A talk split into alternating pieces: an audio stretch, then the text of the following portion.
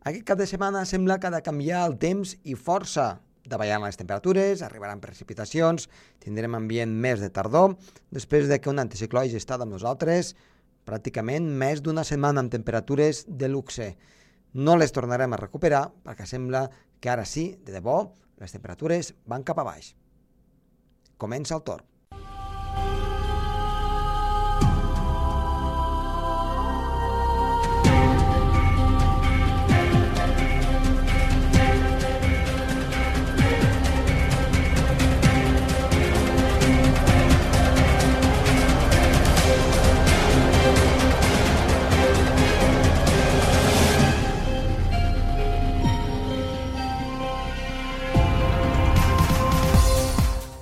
Molt bona tarda, moltes gràcies per estar darrere del seu transistor, si és que encara n'existeix algun, en el seu vehicle o, per què no, des d'internet, des de qualsevol punt del planeta.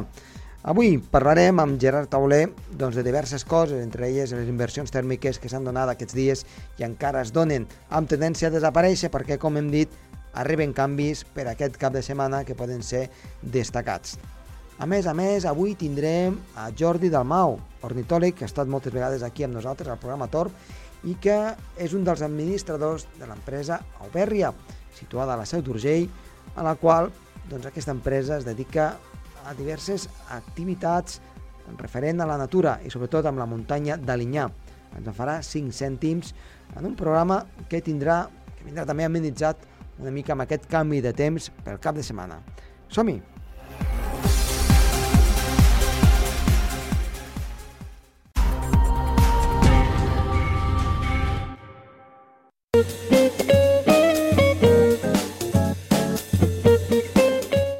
Iniciem el programa amb Gerard Tauler. Gerard, molt bona tarda i gràcies per tornar a estar aquí amb Hola, nosaltres molt al bona tarda, Josep Tomàs. Bona tarda. Escolta'm, um, aquests dies estem tenint uh, una, un anticicló que déu nhi i uh, voldria que ens expliquessis una mica, doncs uh, mira, estem tenint temperatures molt elevades a l'alta muntanya, de l'ordre de entre els 5 a 10 graus de mínima, en canvi, als fons de vall tenim temperatures que fins i tot s'acosten cap als 2 o 3 graus positius. Per tant, una, una clara inversió tèrmica. Um, voldria que ens expliquessis avui una miqueta, una, mi, una mica més sobre, sobre aquest tema, sobre les inversions tèrmiques que es donen aquí al Pirineu i suposo que també en altres llocs de, del territori. Sí, les inversions tèrmiques són uh, la inversió de, de l'ordre natural de la, de la temperatura com baixa amb l'altitud. L'aire, al pujar, és menys dens, la pressió és més, ba més baixa i al pujar refreda. Uh -huh. a, a raó d'un 0,6 graus cada 100 metres. Però aquests dies les temperatures a les zones assolellades durant la nit i a les zones amb boira durant tot el dia són més baixes a les fonts de les valls que a les muntanyes. Per exemple, avui la temperatura mig, mínima al refugi de Mitges ha sigut de 8 graus a 2.400 metres, mentre que Queixans, que està a 1.100 metres, ha sigut de menys 1, 9 graus d'inversió tèrmica.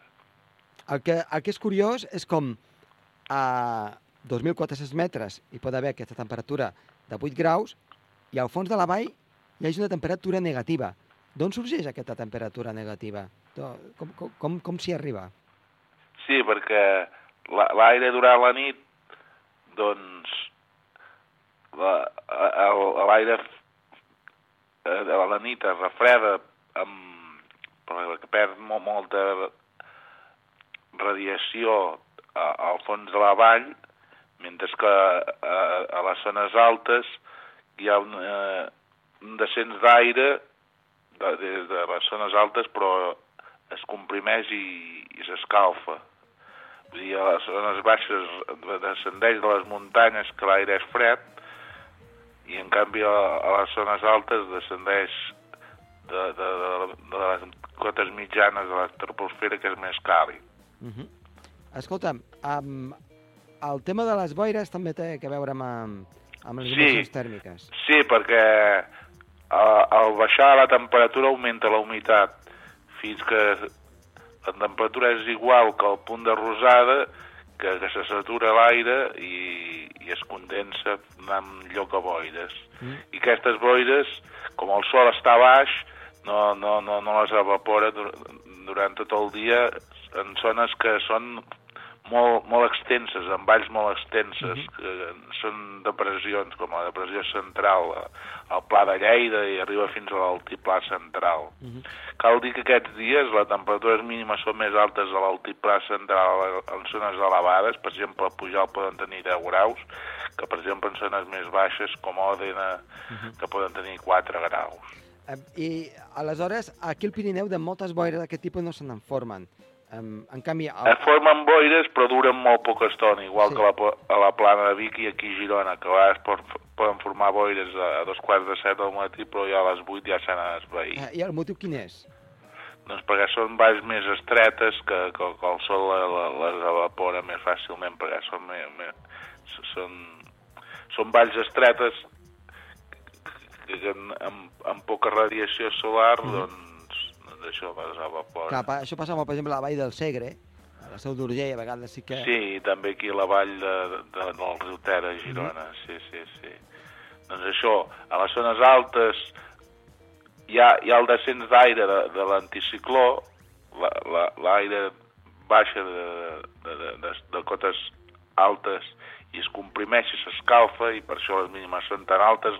Hi ha un matalàs d'aire càlid a les zones altes, aire, càlid i sec, i en canvi a les zones baixes l'aire de, descendeix de les muntanyes, hi ha molta pèrdua de radiació de dona llarga i per això les temperatures mínimes són tan baixes al fons dels valls, sobretot en, en llocs on el cel és serè. Uh -huh i aquests dies, fins i tot ahir, hi havia 15 graus d'inversió tèrmica. La temperatura mínima va ser d'uns 10 graus a, a Sertanscan, a 2.400 metres, i en canvi a Das, que està a 1.050 metres, la mínima va ser de menys 5. Mm -hmm. Doncs Gerard, eh, moltíssimes gràcies. T'esperem una propera vegada aquí al programa. Molt bé, fins una propera vegada. Adéu. Vinga.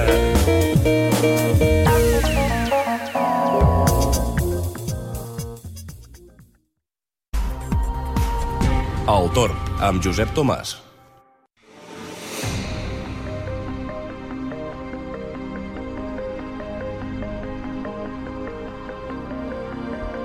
En l'entrevista d'avui tenim a Jordi Dalmau, ornitòleg, l'hem tingut ja altres vegades aquí al programa Tor, però eh, també en aquest cas eh, volem presentar com a administrador de l'empresa Auberria, que ara ens explicarà doncs, a què es dedica aquesta empresa, que de ben segur a tots els nostres oients que els agraden doncs, les temàtiques que, que fem aquí al programa n'estaran molt interessats. Jordi, molt bona tarda. Hola, bona tarda. I gràcies per tornar doncs, a, al programa Tor.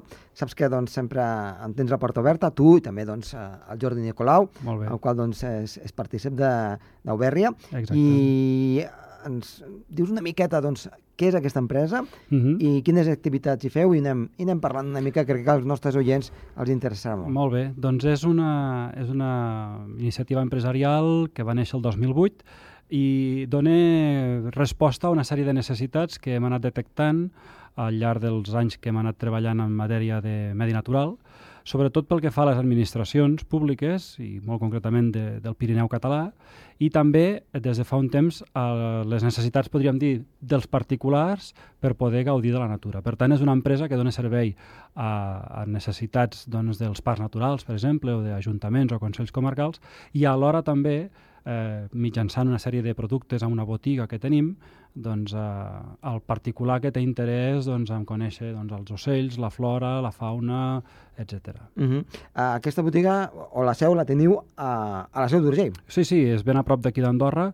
Eh, de fet, mm, tenim clients que són doncs, andorrans i que venen doncs, a, la, a la seu per altres motius, però entre ells doncs, eh, comprar algun tipus de material, sobretot uh -huh per atraure ocells, eh, siguin menjadores, caixes niu, o per gaudir-ne amb prismàtics, amb guies especialitzades, etc. Uh -huh. um, hem, hem vist la, la vostra botiga, primer comencem per la botiga, després anirem a les activitats, que són eh, també molt i molt interessants. Uh, la botiga que està situada a la Seu d'Urgell, eh, no tan sols veneu eh, tot això que estàs dient, sinó també hi feu activitats dintre com si fos un casal, diguem. Efectivament, és una, és una botiga que té una part de taller i a la part de dins, i això ens permet eh, fer-hi un casal de natura per nens. Ja fa cinc anys que el fem a l'estiu, Eh, de fet, aquella, aquell espai ens serveix com a punt bàsic de recollida i comiat dels nens perquè en realitat el casal es fa a l'exterior. Uh -huh. És un casal de natura i per tant es fa a la natura, però sí que aquella sala interior ens serveix molt bé doncs, per l'acollida i el comiat de la canalla. Mm. Alguna activitat petita que s'hi pugui fer, També. algun audiovisual... Sí, sí, sí, sí.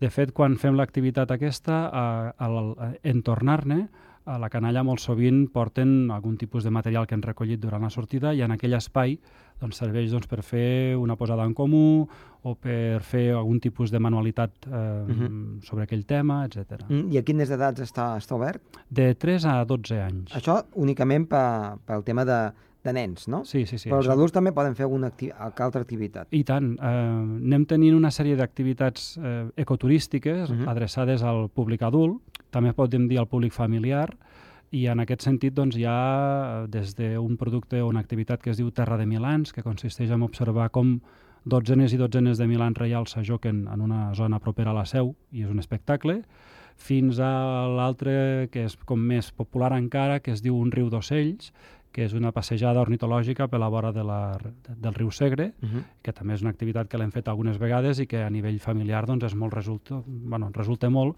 perquè de seguida es veuen espècies maques i amb el telescopi que portem eh, diguem la satisfacció està garantida. Mm, per tant, no cal desplaçar-nos molt lluny, anant només a la Seu d'Urgell, eh, a la vora del riu podem fer aquestes activitats amb tota tranquil·litat I tant. i sense dificultat, diguem-ne, tècnica o de, Mm. o de caminar massa, no? Exacte. Eh, la, la web vostra, perquè els nostres oients la sàpiguen? és molt fàcil, és auberria.cat. Auberria és el nom d'una muntanya que hi ha a prop de la Serra del Cadí i que per nosaltres doncs, eh, és molt inspiradora, tant per la seva sonoritat com per alguna observació faunística que hi tenim associada, Uh -huh. i d'aquí va venir el nom de l'empresa, auberria.cat. I a més a més podem comprar online. He vist que també doncs, teniu els, productes... Efectivament, sí. A la botiga, això és un pas més que hem fet. Eh, la botiga en el lloc que està ara, que és al carrer Regència d'Urgell número 22, mm, com a tal, i és des de fa dos anys i mig, eh, bueno, va ser un primer esforç que vam fer, i ara n'hem fet un de segon que consideràvem fonamental, que és la botiga virtual. Uh -huh. De manera que ara sí, des de qualsevol lloc doncs, eh, es pot accedir a una passarel·la de compra i en pocs dies eh, rep el... Ho rebem a casa, no? A Andorra també suposo que ho envieu. Sí, el que passa que sent tan a prop eh, és molt creiem per nosaltres que és molt més pràctic pel, per la gent d'aquí, doncs eh, tenint la seu tan a prop i havent-hi tanta relació, eh, venir-ho a buscar perquè és un estalvi de cara a, al Mhm. client mateix. Clar, venir-ho a buscar doncs, directament el tema de, botiga. de, de, de, De la duana. De la duana, exacte. No? Et cobren més de la duana, potser... que el producte en si, llavors val més eh, aprofitar un dissabte al mercat o un dimarts al mercat Mhm. o el dia que es baixi a la seu, doncs eh, quedar entesos i, i sense cap problema. Mm, perquè està- hem, hem vist que la pàgina web doncs, eh, està obert doncs, eh, doncs, matí tarda pràcticament, excepte doncs, a, a puntualment si feu alguna, alguna sortida, i diumenge està tancat. Sí, sí, sí, els caps de setmana... De fet, dissabte ara també està tancat, el que passa que eh, per necessitats puntuals eh, molt sovint estem disponibles i podem obrir. Eh, en el, pel que fa a l'horari sí que és important, i a la web hi ha un apartat que ho deixem ben clar, eh, sí que és important, si pot ser, mm, concertar eh, la visita si s'ha de fer o la vinguda a la botiga, ja que en ser poques persones les que estem a, en, aquesta, en aquesta empresa, en aquesta botiga, de vegades el treball de camp ens fa alterar l'horari habitual. Uh -huh. De manera que ens podem trobar amb la desagradable sorpresa d'arribar i o trobar-nos-ho tancat. Clar. Doncs per estalviar-nos aquest eh, empipament comprensible que podem tenir d'anar en horari comercial i trobar-nos la botiga tancada, recomanem que se'ns avisi abans. Uh -huh. Però clar, això és només una petita part del que és a Auberria, no? Mhm. eh, el, el conjunt, diguem-ne, o una de les parts més importants, de fet, el, sobre el que hi ha els seus pilars, és les sortides a la natura. Sí, i les encloem dins d'una oferta ecoturística que estem treballant a poc a poc, però amb constància, per donar a conèixer l'Alt Urgell i el Pirineu en general eh, com a destinació ecoturística de, de molta rellevància. De fet, des del 2016, des del començament d'enguany, l'element fonamental d'aquesta oferta que ara estem treballant és la gestió de la muntanya d'Alinyà. Uh -huh. Aquest és un espai natural protegit, amb un cert grau de protecció, eh, que hi ha al centre de l'Alt Urgell. És una finca eh, molt gran, estem parlant de 5.352 hectàrees, i que és propietat d'una fundació privada que té altres finques per tot Catalunya amb la finalitat doncs, de conservar paisatges representatius del país de Catalunya. Mm, estem parlant de la Fundació Catalunya La Pedrera, i Alinyà és la seva finca més gran, de fet, com deia, la finca privada més gran de Catalunya. I allà s'hi desenvolupen una sèrie d'activitats ecoturístiques que des d'Auberria doncs, eh, eh, gestionem i intentem doncs, donar a conèixer eh, a la societat en general, tant a la propera, a la catalana, aquí a l'andorrana, per això vam ser a la Fira d'Andorra el cap de setmana passat, eh, com, a, com allà on sigui. No? I a la nostra web d'Auberria també ens en fem ressò. Uh -huh. I quines activitats podem trobar si anem, per exemple, a la muntanya de Linya? Estan totes elles de moment centrades amb els voltors. Allà hem de pensar que és dels pocs llocs d'Europa on es poden veure les quatre espècies de voltors que hi ha al continent, que són el voltor comú, el voltor negre, el trencalòs i l'aufrany, i totes les activitats són per eh, descobrir i gaudir aquestes espècies. Hi ha una activitat pel gran públic que es diu Menjant amb voltors, es fa tots els dissabtes al matí i és una excursió fins a un punt mm, des d'on s'observa com porten menjar els voltors. Si es vol més emoció, encara es pot agafar eh, aquella mateixa excursió i acabar d'arribar fins al punt on els hi deixem el menjar, de manera que llavors l'espectacularitat està garantida, perquè els voltors et volen pel damunt i és molt emocionant. I pels aficionats a la fotografia també disposem d'una white fotogràfic on eh, durant tot un matí pots estar fent fotografies dels voltors que baixen allà davant mateix perquè també els hi posem menjar. De moment són aquestes les activitats que hi fem. Uh -huh. I, a més a més, hem vist que uh, feu activitats de, de paisatge, arbres monumentals o llocs eh, que són de postal. Sí, eh, és, per veritat, tant, és veritat. Per tant, no únicament us centreu en la muntanya de l'Inyà, sinó també aneu a, pelar l'Urgell. Sí, sí. Eh, en aquesta oferta ecoturística que t'explicava que estem començant a construir, i tenen cabuda altres elements a part dels ocells els ocells són una, pas, una part fonamental, nosaltres som ornitòlegs i, i és on tenim diguem la nostra especialitat, però tenim clar que el patrimoni dona molt de sí. I, per exemple, tenim una ruta prevista a la cara nord del Cadí per anar a observar eh, arbres singulars, arbres de grans dimensions, o en tenim de caire més cultural o històric, per exemple, centrada, centrades a la vall de Castellbò i al Parc Natural de l'Alt Pirineu, i bé, ja veurem el catàleg fins on el podrem extendre, però tenim clar que hi pot haver altres elements com per exemple les papallones o la flora uh -huh. de primavera o els colors de tardor que a la llarga esperem que puguem anar incloent dins aquest catàleg ecoturístic. Uh -huh. um, només treballeu a l'Urgell o també a Andorra? Eh, centrats a l'Alt Urgell, el que passa que, clar, tenim una trajectòria professional al Principat d'Andorra que també ens permet oferir algun tipus de, d'activitat aquí, com és el cas. Hi ha, per exemple, una, una col·laboració entre nosaltres i una empresa andorrana que es diu Pirenàlia, que eh, fa fotografia de fauna, o sigui, facilita per anar a fer fotografia de fauna i nosaltres tenim una, una col·laboració establerta, de manera que si també captem eh, usuaris interessats en aquests llocs andorrans, doncs eh, facilitem el tracte. Uh -huh. um, fa molts anys que ens coneixem, eh, uh -huh. Jordi. Um, des de, posem aquest temps, el, els ocells, quina està l'evolució aquí al Pirineu, mm. Doncs des de que tu vas començar a fer observacions ja professionalment, mm -hmm. diguem-ne, eh, fins ara. Eh, N'hi ha més, menys, eh, quins han augmentat... Sí, mira, aquest, això de l'augment i la disminució es pot ser el que més fàcilment ho explica. Hem de tenir present que hi ha dos grans grups d'ocells en el nostre context de, de muntanya. Els ocells d'espais oberts i els, i els ocells forestals. Mm, dins d'aquests dos conjunts hi podríem encabir la major part de les espècies que tenim. I ens trobem que la tendència és que els, els ocells d'espais oberts tendeixen a disminuir i els ocells d'espais tancats, d'espais forestals, tendeixen a augmentar.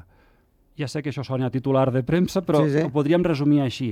Eh, si anéssim mirant espècie per espècie, ens trobarem, per exemple, del primer conjunt, espècies com les aloses o alores, en alguns llocs també se'n diu així, eh, que són típiques de prats alpins o de prats de dall, tendeixen a anar a menys, en general, no només a Andorra eh, i al Pirineu, sinó que en bona part del continent. En canvi, espècies forestals com per exemple els picots, que tothom més o menys coneix, tendeixen a anar a més, cada vegada se'n veuen més, i això s'explica per una senzilla evolució del medi. Ens trobem que els espais oberts s'estan emboscant cada vegada més, fruit de l'abandó de la terra o de les, dels usos de la terra, i la superfície forestal, consegüentment, augmenta i les espècies que depenen del bosc també. Mm -hmm. O sigui que, en resum, podríem explicar així. Mm -hmm. Per tant, si ens anéssim uns quants milers d'anys enrere, mm -hmm. eh, quan potser doncs, la població humana a les zones del Pirineu era més minsa, eh, espècies de- d'espais de, oberts n'hi havia poques. O, o eren molt reduïdes. Eh, és clar, caldria veure quin tipus d'hàbitat hi havia aleshores. Eh, si assumim que hi ha menys pressió demogràfica humana, menys pertorbacions, eh, segurament ens trobaríem en un medi pirinenc molt arbrat i, per tant, seria com tu expliques, Mhm. o sigui, amb una proliferació, amb una, amb una contingent d'espècies forestals superior a les, eh, a les espècies d'espais oberts. I aquestes espècies doncs, de- d'espais oberts venen de centre Europa o de... No, ha que... No, no, la major part són, són autòctones d'aquí i, i nidificants aquí. mm? I no, no és que hi hagi aquí un, un fet as, eh, atribuïble als desplaçaments que Mhm. fan, no. Molt bé, Jordi. Doncs eh, moltíssimes gràcies per estar avui aquí amb nosaltres. Un plaer. Augurem doncs, eh, molt bona sort amb, amb el que és doncs, eh, l'empresa. I ja ho saben, eh, auberria.cat, eh, allí doncs, poden trobar totes aquestes activitats i també doncs, eh, comprar a la botiga, també doncs, eh, si ho volen fer tipus online. Moltes gràcies, Jordi. Gràcies, Josep. Adéu-siau.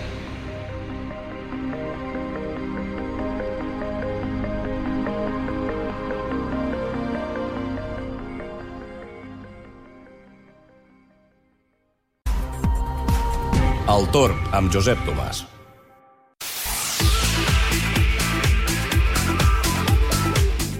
Doncs som amb la previsió meteorològica, una previsió meteorològica que ens porta a parlar aquest cap de setmana de canvis importants després de l'avorriment meteorològic d'aquestes temperatures tan suaus. Atenció si van a l'alta muntanya, moltíssima precaució perquè canvien, canvien els torns i és que de fet arriba una perturbació al llarg de dissabte que ha de deixar precipitacions ja des de mig matí i migdia, però especialment durant la tarda. La cota de neu encara serà elevada, però podrà anar davallant cap als 2.000 metres aproximadament. Per tant, primeres neus a l'alta muntanya, acompanyats de vents de component sud-sud-oest que poden ser una mica moderats. I diumenge no acabarà de fer net, baixaran encara una mica més les temperatures i la cota neu podria estar per sota dels 1.800-1.700 metres, afectant bàsicament a la cara nord. Després, a mesura que avancés la tarda, aquesta precipitació es traslladaria cap a la cara sud. I és que la situació meteorològica per les properes hores ha de venir, especialment per aquests propers dies, dissabte i diumenge, per aquesta inestabilitat increixendo. Sobretot, sobretot, però, es notarà davallada de temperatures i, per tant, una situació meteorològica molt més de tardor, molt més de l'època de l'any en la que estem, no pas de pràcticament setembre que estàvem tenint al llarg d'aquests últims 15 dies del mes d'octubre. Per tant, atenció, si se'n van a l'alta muntanya, moltíssima precaució, o si més no, aprofitin un altre dia per anar-hi perquè canvien les coses al llarg de les properes hores.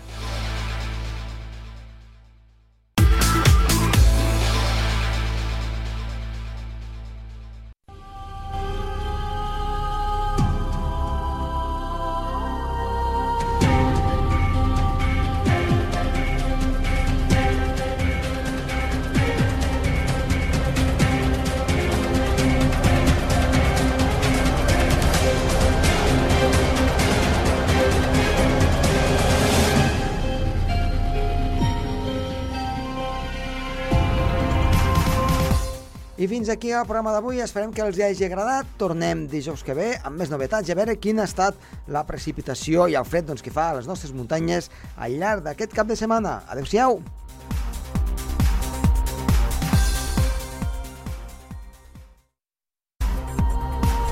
El torn amb Josep Tomàs.